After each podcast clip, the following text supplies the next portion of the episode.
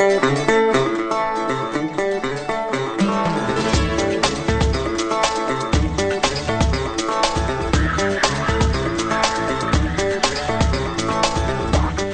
as jy hierdie ken wys hoor, dan weet jy, dis Vrydagmiddag. En dit beteken is amper huis toe gaan tyd, maar jy gaan nêrens heen nie. Jy sit nou net hier. Want ek wag vir jou om lekker saam te gesels. Die naam van ons program op 'n Vrydagmiddag 2 uur is immers wat sê jy? Soos jy regtig jou opinie het, as jy 'n vraag het, dan gesels jy saam en jy kan dit doen op verskillende maniere.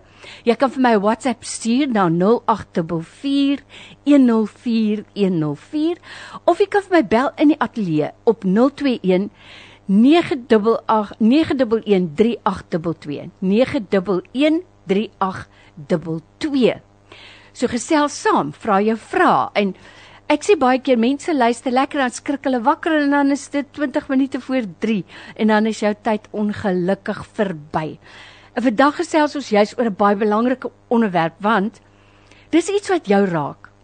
Dis iets wat elke persoon in Suid-Afrika raak en ek het 'n kenner genooi om hier te kom gesels saam met ons om vir ons sin te maak van die 6de staatsrede in hierdie politieke bedeling, die SONA, the State of the Nation Address. My dear fellow South Africans.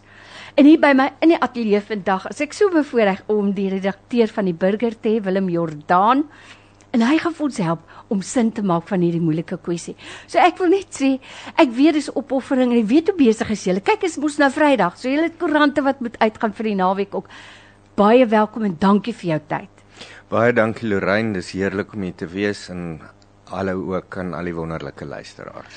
Nou ja, tyd waarvoor ons jou nooit weer kan vergoed nie, maar ek wil hê jy moet weet ons sien dit as diens aan ons luisteraars. Dit is inligting waarvoor hulle niks betaal nie, maar waarmee hulle baie kan uitrig. So dankie daarvoor.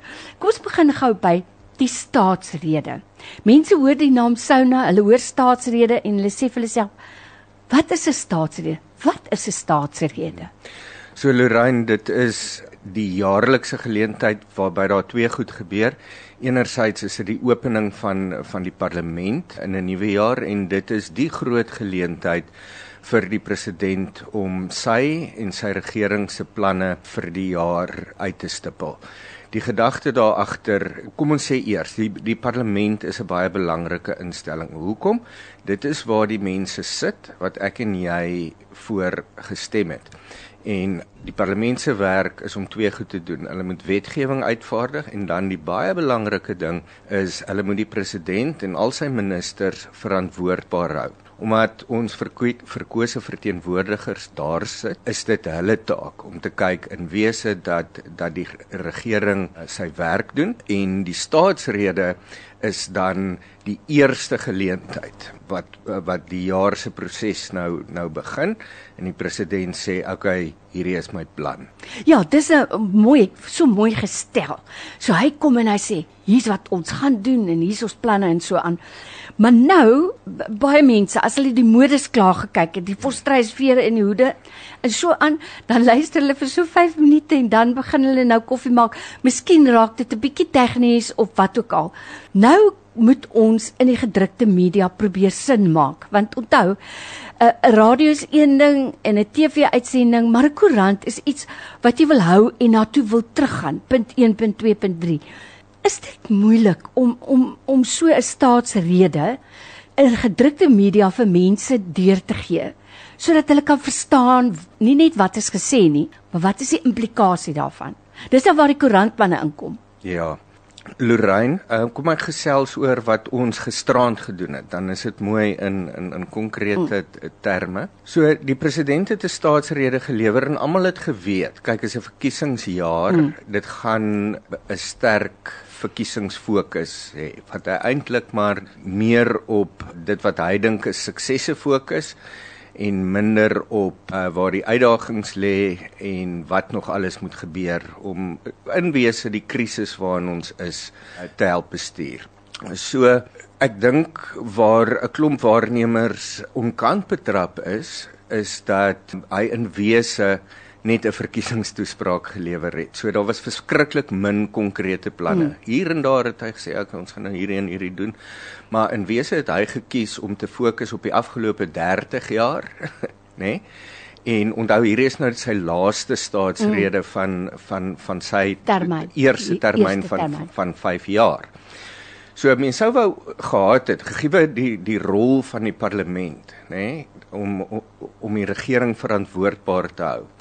Die rol van die parlement is nie om te kyk na wat gebeur het die afgelope 30 jaar nie. Rol van die parlement is hou vir meneer Cyril Ramaphosa en sy regering verantwoordbaar.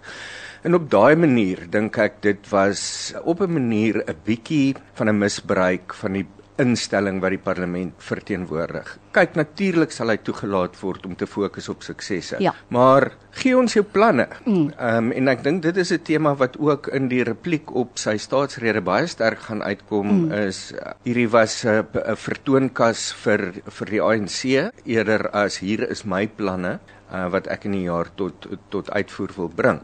Nou goed, toe hy nou die staatsrede lewer, begin praat hier by 7 uur rond volg ons dit en ont, onthou ons eerste saktyd is 9 uur. Hier so by 10 oor 9 moet ons ehm um, moet moet ons ons hoofberig stuur rolpers toe sodat dit gedruk kan word. Toe lewer hy hierdie rede waarin die konkrete planne 'n bietjie ontbreek. En die eerste uitgawe van ons wat nou Suid-Kaap toe is, weens tydsdruk, doeteenvoudige oorsig van wat hy te sê gehad het. Maar daar's natuurlik ou nuus vir oggend. So mm. ons ons ons moet 'n tweede hoek op die storie hê.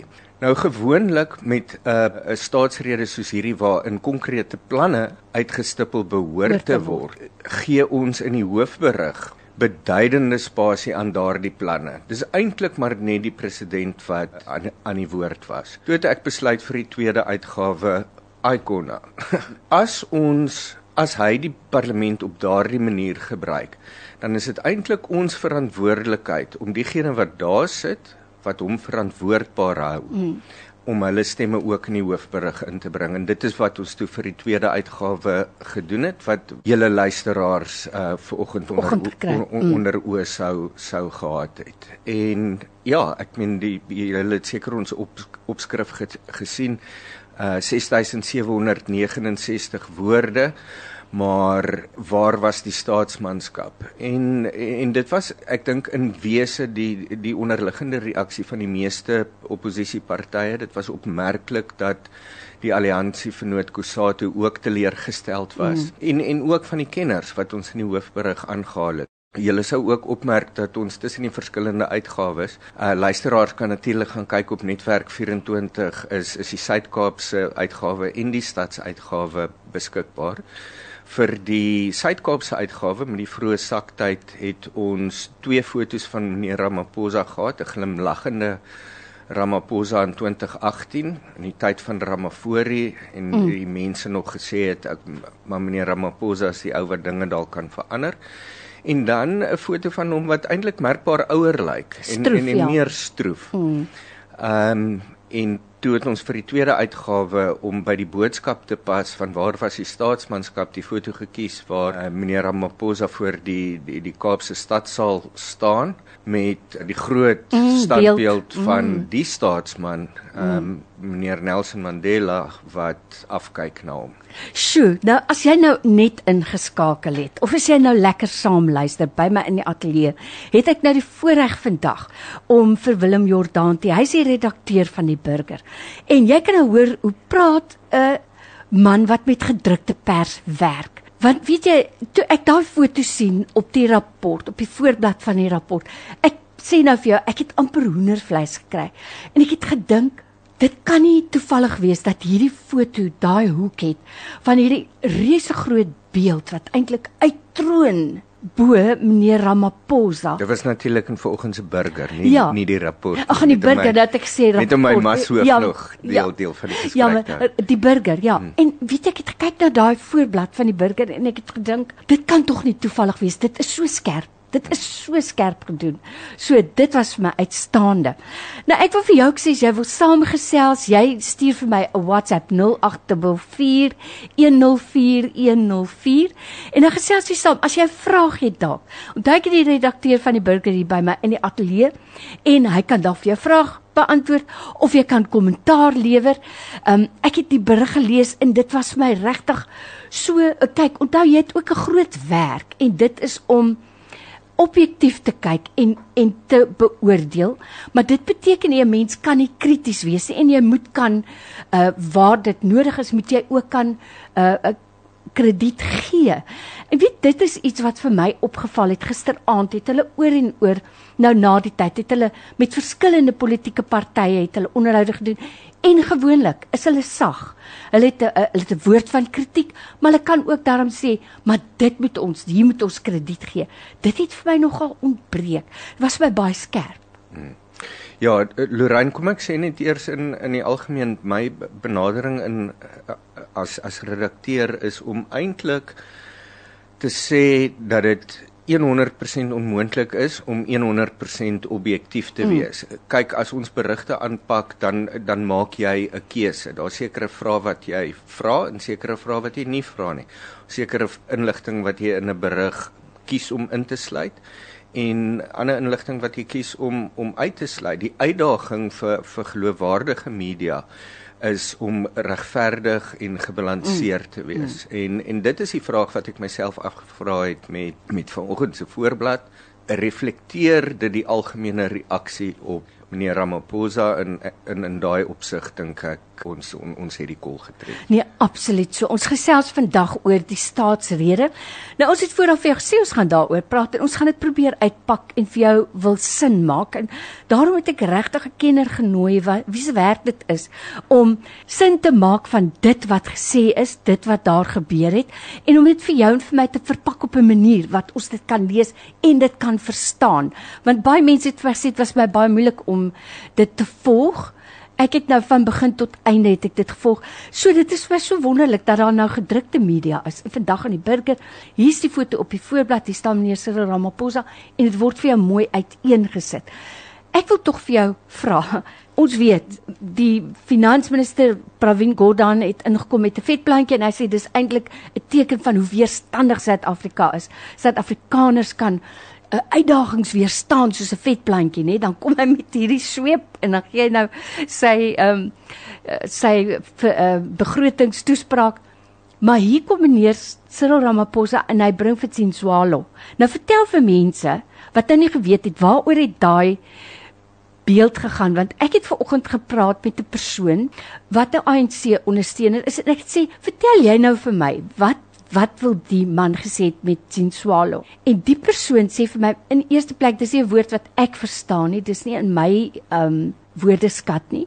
Sy sê maar wat ek nou verstaan is hy wil vir ons eintlik wys dis 'n moderne jappie. Hmm. my maat het ligte en water so gehad maar hier's ek nou vandag. Dink jy sy beeldspraak het die kol getref met sien swallow? Hmm.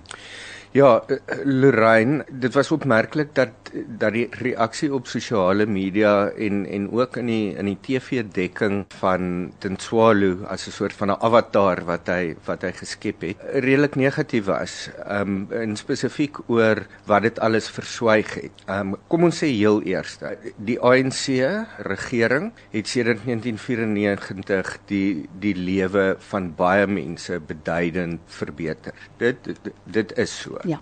Maar in soverre hy probeer het om ten swalo op die verhoog te stoot as 'n versinnebeelding van daardie aspekte van mense se dag tot dag lewe wat deur die ANC regering verbeter is dink ek dit wat verswyg is in in die proses is nogal insiggewend. Nou kom ek sê eers ek, ek is vanoggend deur 'n interessante oefening. Julle ken dalk die uh, rubriekskrywer Saterdagoggende in in in Dawie. Mm. Um, mm. En ek het vir Dawie gevra, skets op 'n kunsmatige intelligensie platform vir ons Tinswalo. Vra vir kunsmatige intelligensie, hoe lyk die dag tot dag belewennisse en uitgangspunte van Tinswalo, die soort karakter wat die hmm. president geskep het. En ek wil nou nie alles weggee nie, maar lees lees môre gerus Dawie en dan kyk julle. Mm -hmm. Dan kyk die, die luisteraars of hulle meer saamstem met meneer Ramaphosa se weergawe van Tinswalo se lewenswêreld en of hulle dalk meer saamstem met kunsmatige intelligensie se se weergawe. Net vinnig wat kunsmatige intelligensie dadelik gedoen het. Soos interessant is om die uitdagings deel van die prentjie te maak. Tenswalo sukkel met beerdkrag. Tenswalo is gefrustreerd omdat sy 'n rugsteenstelsel moes installeer teen groot koste en die voortdurende ontwrigting in haar lewe bly vir bly vir haar frustrasie. Sy is ook uiters gefrustreerd met die spoorstelsel dat sy nie betroubare treinvervoer na werk het nie uh, en moet staat maak op op oorvol taksies. Maar wat op my op 'n manier vir my die mooiste was in in dit waarmee AI vorendag gekom het is presies wat jy nou ver, ver, verwys het met die vetplantjie voor. Tenswalo hou aan om in haar eie lewe wêreld en haar gemeenskap aktief te wees en sy hou aan om daar 'n verskil te maak. Sjoe. Sy bedryf onder meer 'n mentorskap mm. program en ek gaan nou ek het nou al klaar eintlik te veel weggegee. So, so so lees dit lees dit gerus. Jy weet so eh, dis vir my interessant dat die dat AI vorendag gekom het nie met 'n totale hopelose prentjie mm. nie, maar die hoop Sjoe. die hoop het gelê in die verskil wat mense soos Sinswalo in hulle eie omgewing maak. Nie danksy die ANC nie, maar ondanks ondanks die mm, ondanks. ANC. Sjoe. Mm. Nou by my in die ateljee vandag ek vir Willem Jordan, hy's redakteur van die Burger en ons praat met jou oor die staatsrede en hoe ons gedrukte media kan 'n beeld kry of 'n idee kry dat dit vir ons verpak word op 'n manier dat ons kan sin maak daaruit. So ek wil sommer vir jou ook vra, het jy 'n verwagting gehad van hierdie staatsrede van gisteraand? En het jy gevoel dat jou verwagting aangespreek is? Het jy gevoel dat die vrae wat jy gehad het geantwoord is? Stuur vir my 'n WhatsApp en dan laat weet jy vir my. 'n 0844104104. Iets wat vir my opmerklik was, is dat meneer Cyril Ramaphosa feitelik begin het of baie naby aan die begin met 4 of 5 redes oor waarom die regering uitdagings vandag het en uitdagings moet trotseer. En hy het heel eers begin met staatskaping en van staatskaping af het hy beweeg na die oorlog in die Oekraïne en van daar af het hy beweeg na die Julie opstande in KwaZulu-Natal en toe het hy gekom by COVID en toe het hy gekom by die die die oorlog op die skepe wat moet ver, vervoer eh, bring en ek het nie ek het gewag dat dit was nou ons uitdagings. Toe wag ek nou, maar hier is hoe ons dit gaan trotseer. Maar op 'n manier is dit toe nou nooit vir my beantwoord nie. So, wat is van die uitstaande punte vir jou wat nie gesê was nie, maar daar's hmm. baie gesê. Kyk, ek ek dink daar lê 'n klomp verswygde inligting, kom ons sê of kom ons sê dit so. In terme van die uitdagings waarna Ramaphosa verwys het, al die redes hoekom die ANC bietjie teruggehou is, moet 'n ou dit om ter ere nagee goedheid erken dat staatskaping mm. gewone Suid-Afrikaners in 'n slegter toestand mm. gelaat het as wat hulle eintlik moes moes gewees het. Maar wat hy verswyg is dat meneer Ramaphosa vir 4 jaar lank die adjunk van meneer Zuma was, die hoofagent van uh, mm. staatskaping mm. En dat hy in verskeie opsigte in die posisie was om om 'n verskil te kon maak. Meneer Ramaphosa het nog nooit in 'n openbare forum gesê ek het X en Y en Z probeer in daardie tyd, maar dit het nie gewerk nie. So en net in soverre dat die krisis by Eskom ook aangaan. Meneer Ramaphosa was hoof van meneer Zuma se sogenaamde oorlogskamer om die om die kragkrisis uh, te probeer beredder en daar is maar maar bitter min verrig. Ek dink die die ander ding wat verswyg word, ek hou nou in gedagte meneer Zuma is is is laasweek geskort uit die mm. uit die mm. ANC uit. So beide die staatskaping kwessie en die die ophaal van die opstande was 'n uh, versweë aanval op op meneer Zuma het hom 'n 'n bietjie probeer bykom. Maar weer eens wat verswyg was is dat meneer Zuma is nie een of ander lae-oktaan ANC raadslid in twee buffels met een skoot mors dood geskiet fontein nie. Hy was die verkose president van die ANC en 'n dienende president van die land. En hy het nie uit die uit die, uit die buitenste ruim in daardie posisie geland nie. Feit van die saak is daar was 'n oomblik in Desember 2007, ek was daar, dit was 'n aand met donderslae en donderstorms, mm. maar op daai aand in Desember 2007 het die ANC gesê meneer Zuma is die heel beste wat ons het. Hierdie man is die beste wat ons het om ons organisasie te lei. Hierdie man is die beste wat ons het om volgende die presidentskap van die land oor te neem. Nou oor wat intern in die ANC gebeur om iemand soos dit vir 9 jaar lank daarna nog as as president van die land in stand te hou het niemand nog 'n woord oor gespreek nie. Dit is opmerklik dat meneer Ramaphosa nou in sy staatsrede en dit sal ook so wees in die verkiesingsveld tog 'n groot klomp afstand probeer skep mm. tussen homself en en en die era van staatskaping soos soos wat hy dit noem. Maar hy het binne die regering gesit, en nie sommer in enige posisie nie, as adjunkt president binne die era van staatskaping. En jy weet hy gee so half agterna te kenne nou dat hy in die media gelees het oor hierdie ding van staatskaping maar dit kon tog nie so ge, ja. gewees het nie. So ek dink jy weet dit is 'n dis iets wat doelbewus verswyg word. Ek dink ook in terme van die fokus, hoekom fokus jy op wat die ANC regering in 30 jaar vermag het? Terwyl jou staatsrede nou eintlik die, die doel daarvan is om verantwoording te doen aan die einde van jou termyn van van van 5 jaar. Van jou termyn, en, ja. En en dit is polities ongerieflik om eerlik verantwoording daarvoor te doen. Sjoe.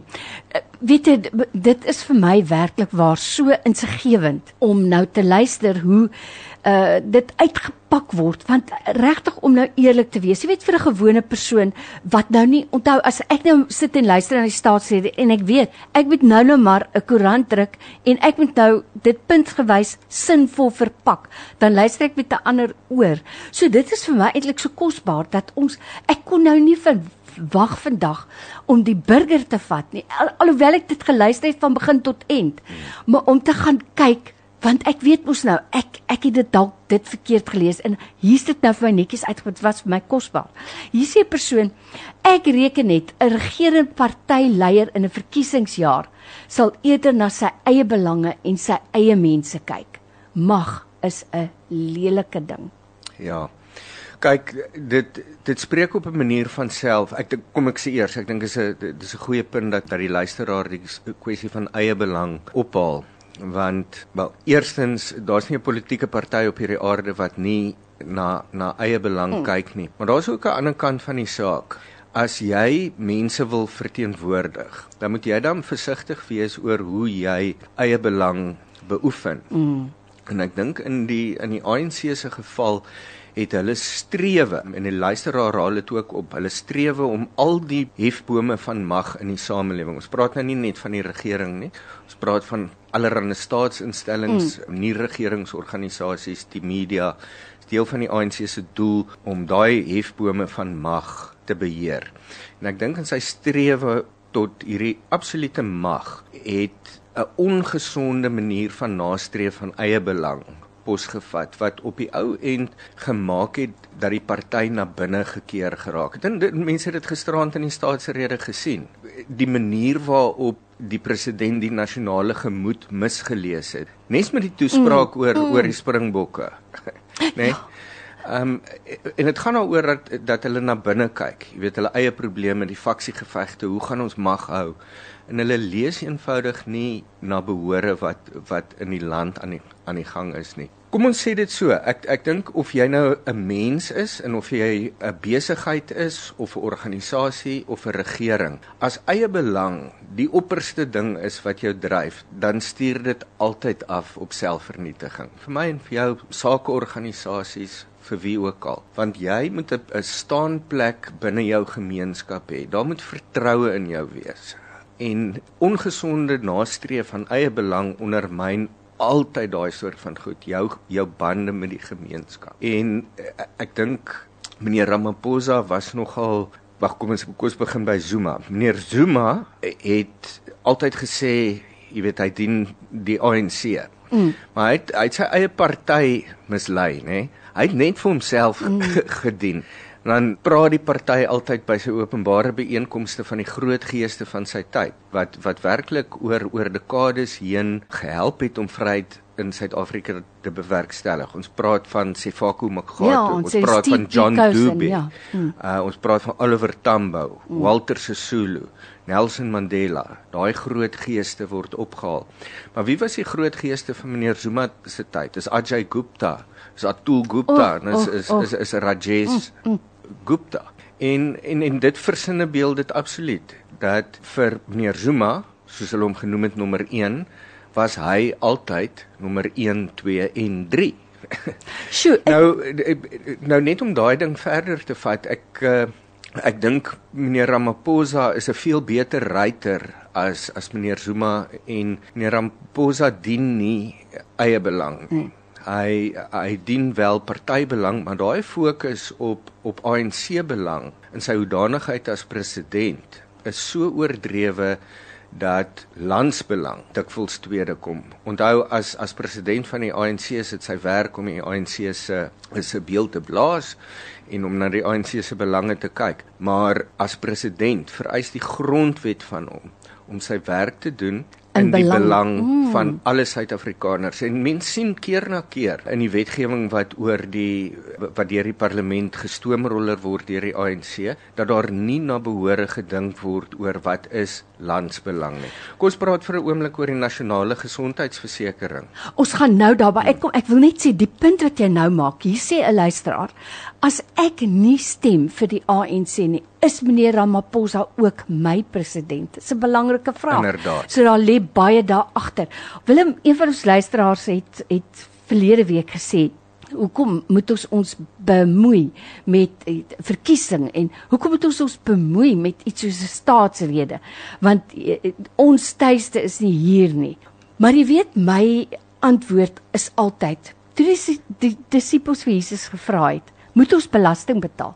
Met ander woorde wat hulle eintlik vir hom vra, ek hou daarvan om tussen die lyne te lees is, moet ons nou vir ons nou bemoei met die die die belange hier om ons.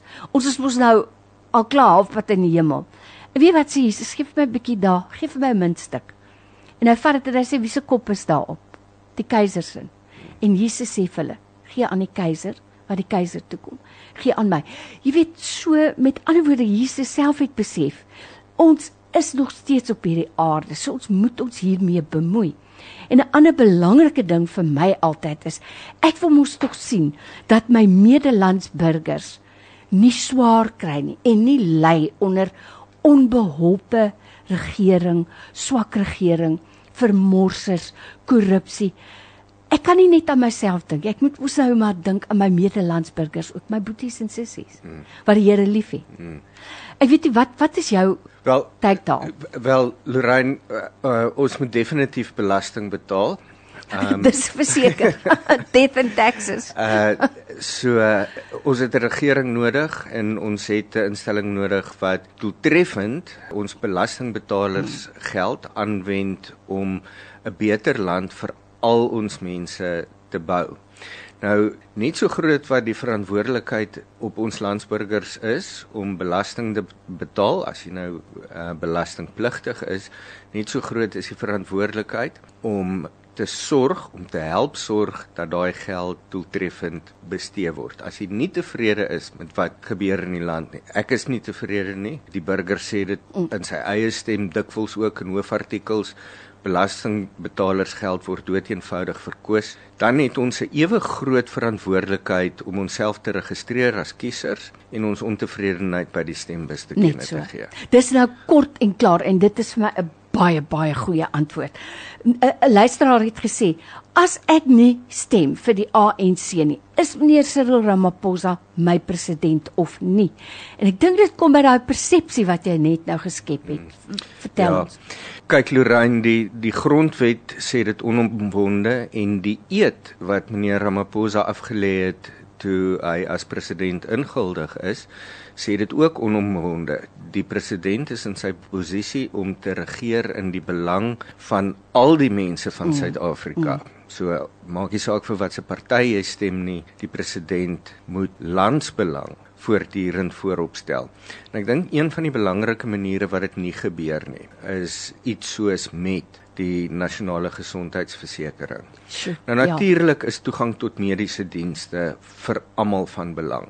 Maar wat in die wetgewende proses gebeur het rondom die NGV plan is dat raad van finansiële kundiges, mediese bestuurders, dokters, mediese fondse doeteenvoudig op sy geskuif is met die oog op die die deurvoer van van hierdie plan.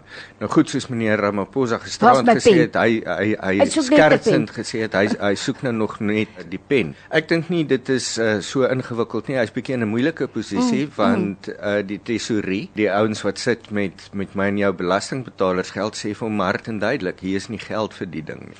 Ja, een van so die luisteraars sê National Health, daar is nie geld nie. Ja. Daar's nie geld vir dokter. Hulle kan nie eens dokter se salarisse betaal nie, sê hulle self. Ja. Hoe is dit moontlik dat dit gaan deurgevoer word? Ja. So ek dink die die een ding waarvoor ons dalk moet hoop is dat hierdie wet tot so 'n mate in die howe uitgedaag word dat dit nie moontlik is om dit mm. deur te voer mm. voor die huidige parlement verdaag nie. Nou as dit nie teen daai tyd deurgevoer is nie, dan moet verskeie aspekte van die proses herhaal word onder 'n volgende regering met 'n nuwe parlement wat natuurlik 'n gans ander samestelling kan hê as as die een waarmee ons ons uitdaglik sit.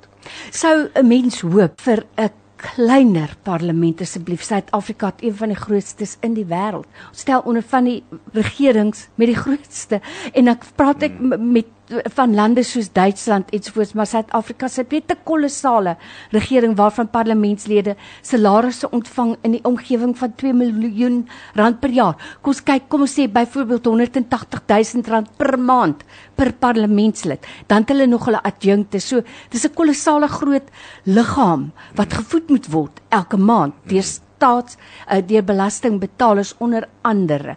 Ek wil net gou hierdie sê, hier sê 'n persoon ek dink wat van die verlede moet wees is om reg te maak. Dis dan alhoewel ons moet terugkyk na die verlede toe, is om reg te maak wat verkeerd is en dit wat kom, die toekoms moet beplan word. Ons sit op die oomblik met baie probleme in die hawens met vertraagde dienste deur Transnet. Dit kos die vrugtebedryf miljoene per dag. Hmm. Ons het nog nie eens aan hawens geraak nie. Hier kom ons nou met die nasionale gesondheidsversekering. Wat my gesonde verstand vir my sê, kyk as 'n mens staatshospitale veronderstel nou ons staatshospitale was uitmuntend bestuur en baie baie goed deurgevoer en mense het kwaliteitsorg gekry al was dit nou by 'n staatshospitaal. Dan sou mense sê sjoe maar dit lyk vir my mense weet hoe om dit te doen. Dit het so verval so hoekom sal dit nou anders wees as jy nou daai wet deur? En nou as ek net soms bekommerd dan dink ek 12 uur in die nag wanneer gewone mense slaap dan kry ek my pen Nou, nou kry ek hom skielik in my laai. Dan teken ek. Môreoggend se koerant gesak het as ek klaar verby. Jy weet? Ja.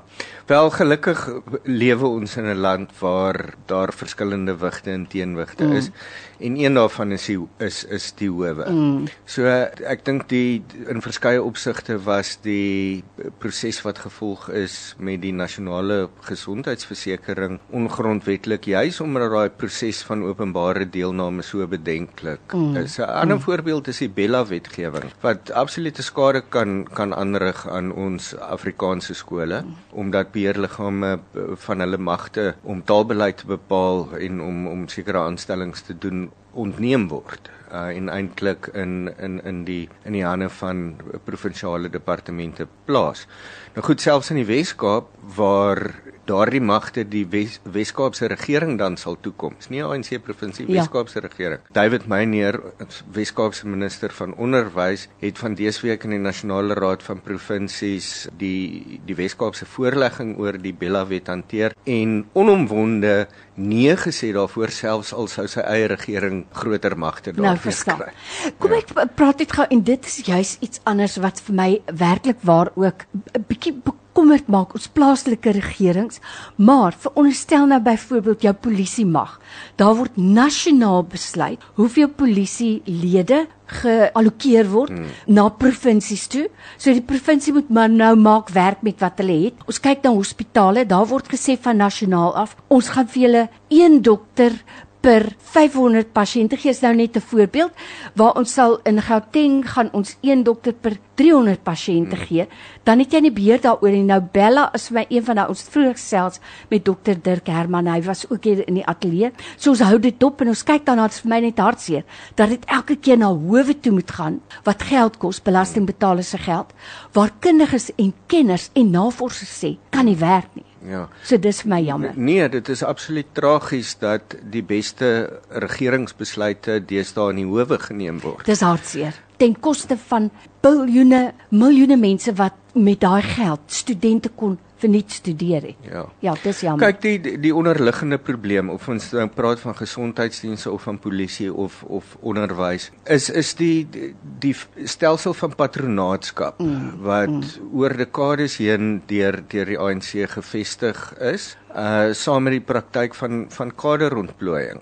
So uh, jy jy jy plaas in kritieke posisies waar die hoogste vlak van kundigheid nodig is, plaas jy loyaliste om jou eie posisie in die party te verskans eerder as die heel beste ingenieur, die heel beste dokter mm, mm, of die mm. heel beste onderwyskundige. Mm. Ja meneer Ramaphosa het al erken dat die dat die hulle stelsel van kaderontplooiing misluk het. Mm. Maar tog gaan die die ANC hof toe om 'n aansoek vir sekere inligting ehm um, oor die die kaderontplooiingstelsel en 'n bevel dat die kaderontplooiingstelsel ongedaan gemaak word soos wat die Zondo-kommissie aanbeveel het. Ja. Hoekom gaan staan hulle dan dan teen in die ja. howe as daardie stelsel misluk het? Teen die koste van miljoene rande. Ja. By my in die ateljee vandag het ek vir Willem Jordaan, hy's redakteur van die Burger. Jy kan hoor, dis 'n koerantman wat hier praat wat wat geoefen en geolie is om tegniese en moeilike kwessies vir ons netjies te verpak sodat ek en jy dit ook kan verstaan. Ek waardeer dit verskriklik baie. Ek is lief vir nuus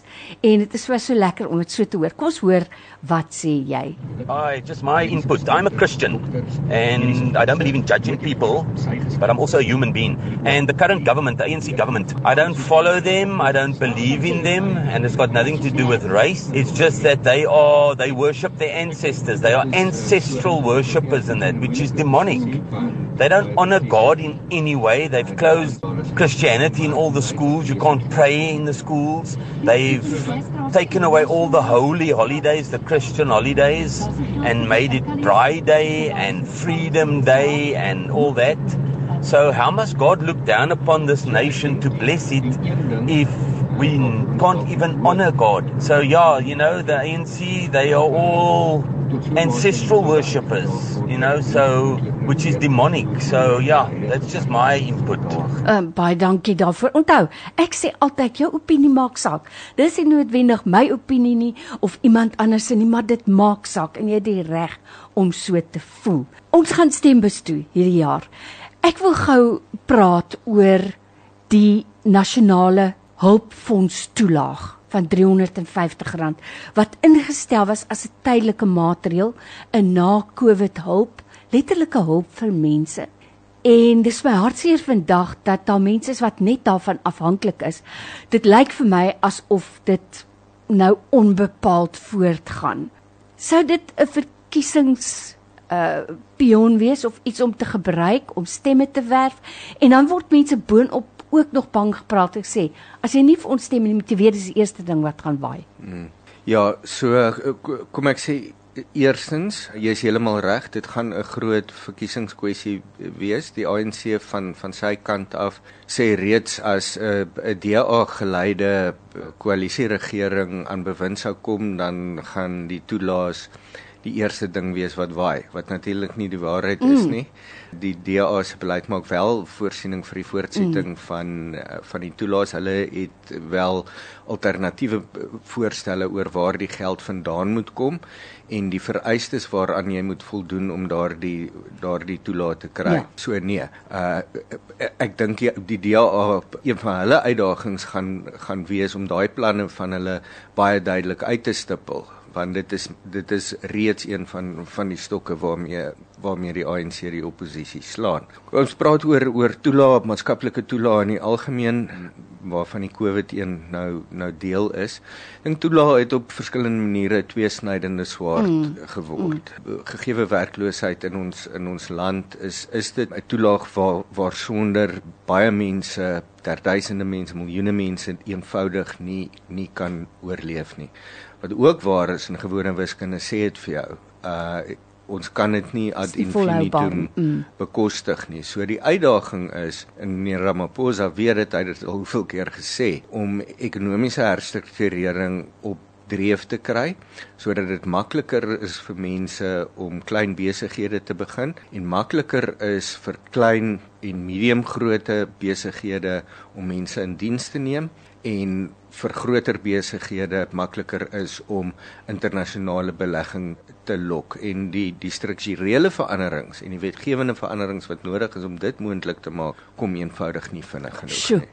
Nou ons tyd is besig om uit te hardloop. Iemand sê daar was niks gesê van die uitlanders wat inkom nie. Hoekom staan so baie op straat en niks word gedoen nie? Hulle plak oral daar word niks aangedoen nie.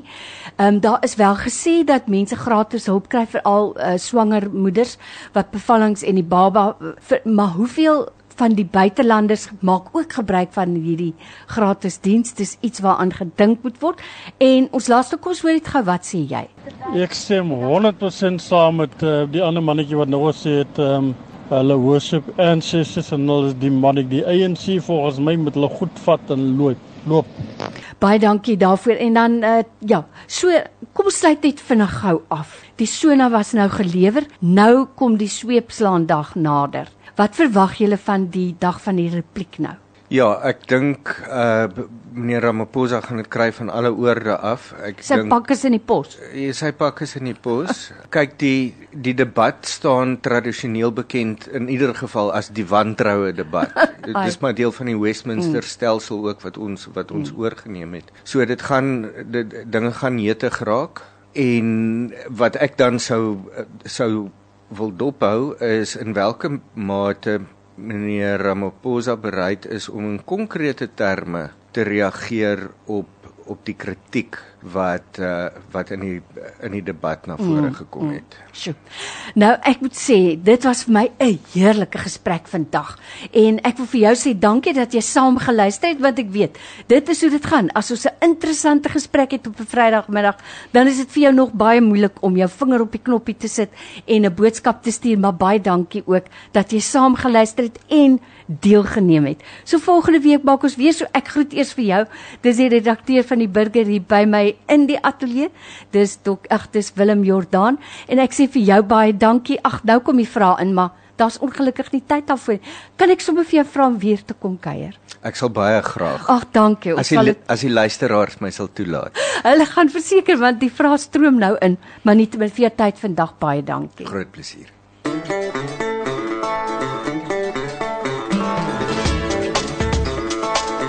Onthou weer in te skakel volgende Vrydag om 2uur. Dis jou geleentheid om jou sê te sê.